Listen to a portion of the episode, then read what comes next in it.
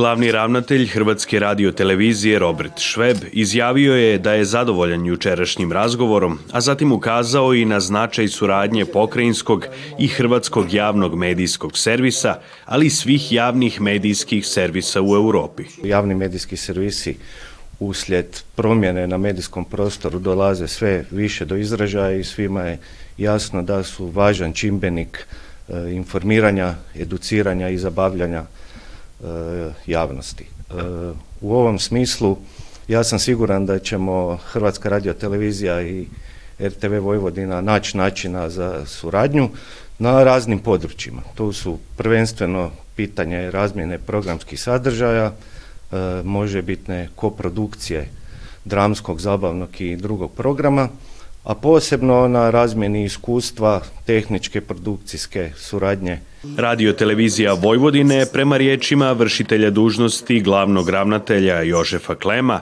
godinama radi na izgradnji dobre suradnje s javnim servisima iz regije i to prvenstveno s medijima iz zemalja čije manjine žive u Vojvodini i na čijim jezicima ta medijska kuća emitira program. Jedna od mogućnosti izgradnje takve takvih dobrih odnosa jesu i bilateralni razgovori kako smo danas imali sa gospodinom Švebom, generalnim direktorom radiotelevizije Hrvatske, a druga mogućnost o kojoj je isto bilo reći, to je da napokon krenemo sa realizacijom ideje o Dunavskoj medijskoj mreži, dakle uspostavljanju veze između javnih medijskih servisa podunavskih zemalja. E, ta inicijativa potiče još iz 2010. godine, mi sad ove godine pokušavamo da ponovo pokrenemo tu inicijativu i planiramo da ćemo negde krajem aprila ili početkom maja održati veliku medijsku konferenciju gdje ćemo pozvati i kolege iz Hrvatske, ali isto tako i, tako i rukovodioce svih javnih medijskih servisa iz regiona da pričamo o programskoj razmini i višim oblicima saradnje. Sastanku su nazočili i voditeljica Odjela za međunarodnu suradnju Hrvatske radiotelevizije Ana Blažević, koordinatorica u Uredu glavnog ravnatelja RTV-a Jelena Radaković i odgovorna urednica redakcije programa na hrvatskom jeziku radiotelevizije Vojvodine Jelena Hajduković, koja je pozdravila mogućnost intenziviranja suradnje koja bi značajno unaprijedila program Hrvatske redakcije. Gledate paletu. Izbor iz emisija na jezicima nacionalnih zajednica.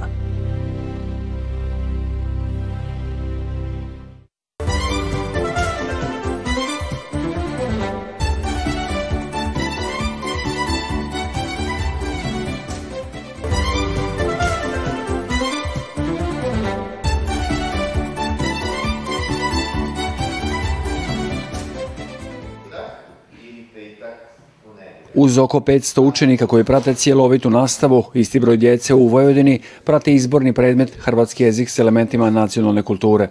Od kada je uveden početkom 2000. najveći je problem što nije postojalo primjereno nastavno štivo. Do sada se radilo e, iz materijala koji su bili dostupni e, iz Republike Hrvatske pojedinih udžbenika za učenje hrvatskog jezika kao materinskog jezika, ali i kao stranog jezika i iz nekih materijala koji su ovdje postojali za cjelovitu nastavu. Ocijenjeno je da je takvo stanje neprihvatljivo, zbog čega su u Hrvatskom nacionalnom vijeću inicirali pripremu odgovarajućeg udžbenika angažirane su dvije prosjetne radnice s dugogodišnjim iskustvom u odgoju i obrazovanju na hrvatskom jeziku. Obe nas povezuje taj hrvatski jezik i e, žal za tim da sačuvamo taj naš nacionalni identitet, pa je ovo bila jedinstvena prilika da opišemo e, svu tu našu, ja bih rekla, bolje poznajemo bunjevačku granu, pošto obe dolazimo e, iz bunjevačke grane, ali smo i za šokce i za srijemce eh, našle modul kako da eh, upoznamo eh, neke njihove osobenosti, nacionalne obojenosti. Ovdje je zadatak da se zna što se nosi u košari za uskrs, da ta košara je lijepo kad ima šlinga, jer je to naša osobenost, da nosimo cicamacu ovdje u ovim krajevima, Učbenik Učimo hrvatski namijenjen je učenicima prvog i drugog razreda. Ubacili smo u i QR kodove, ima i pjesmarica i zbirka tekstova, puno bojanki, puno zadataka kroz koji djeca uvježbavaju svoje motoričke sposobnosti e, i na taj, rekla bih, zanimljiv način, njima zanimljiv i blizak način, upoznaju i svoj nacionalni identitet, puno je vjerskog identiteta bez kog e, mi ne živimo i nismo, jer je i to naše obilježje. Nakon što su podijeljeni učenicima u Monoštoru i Somboru, novi će učbenici biti ponuđeni djeci u drugim sredinama gdje se izučava hrvatski jezik i kultura. Redovita nastava na hrvatskom u cijelosti je pokrivena svim potrebnim učbenicima od prvog do osmog razreda osnovne škole. Gledate paletu. Izbor iz emisija na jezicima nacionalnih zajednica.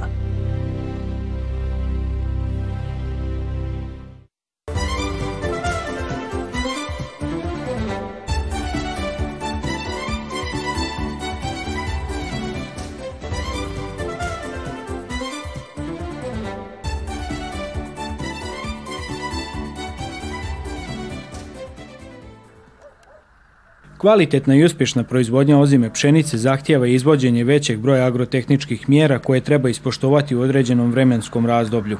Prema riječima stručnjaka, jedna od glavnih mjera kojom neposredno utječemo na prinos ove biljne vrste je pravilno unošenje mineralnih gnojiva. Prihrana je prvi posao koji čeka ratare u ovoj godini, jedan od važnijih poslova kada je u pitanju ova proizvodnja, jer azot je i nosilac i prinosa i kvaliteta kod pšenice proizvođači su već krenuli ovih dana sa prihranom. Da bi se izvršila pravilna prihrana, neophodno bi bilo uraditi analizu zemljišta na sadržaj mineralnog azota, jer samo na osnovu ove analize možemo dati prave preporuke za količinu đubriva koju treba primeniti.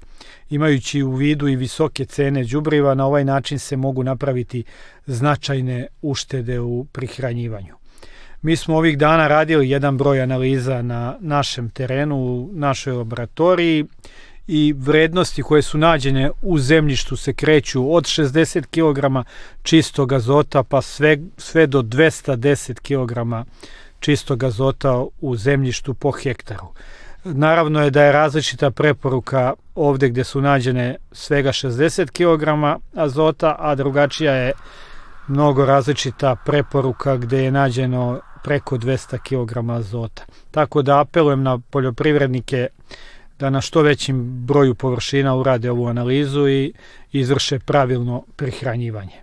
Samo prihranjivanje treba završiti do kraja marta kalendarski gledano, to jest do početka faze vlatanja. U ovom prvom roku, u prvom mjesecu može se ići sa ureom kao sporijem delujućim đubrivom, a ukoliko se uđe u mart tada prednost treba dati brže delujućim džubrivima tipa ana, sana ili kana.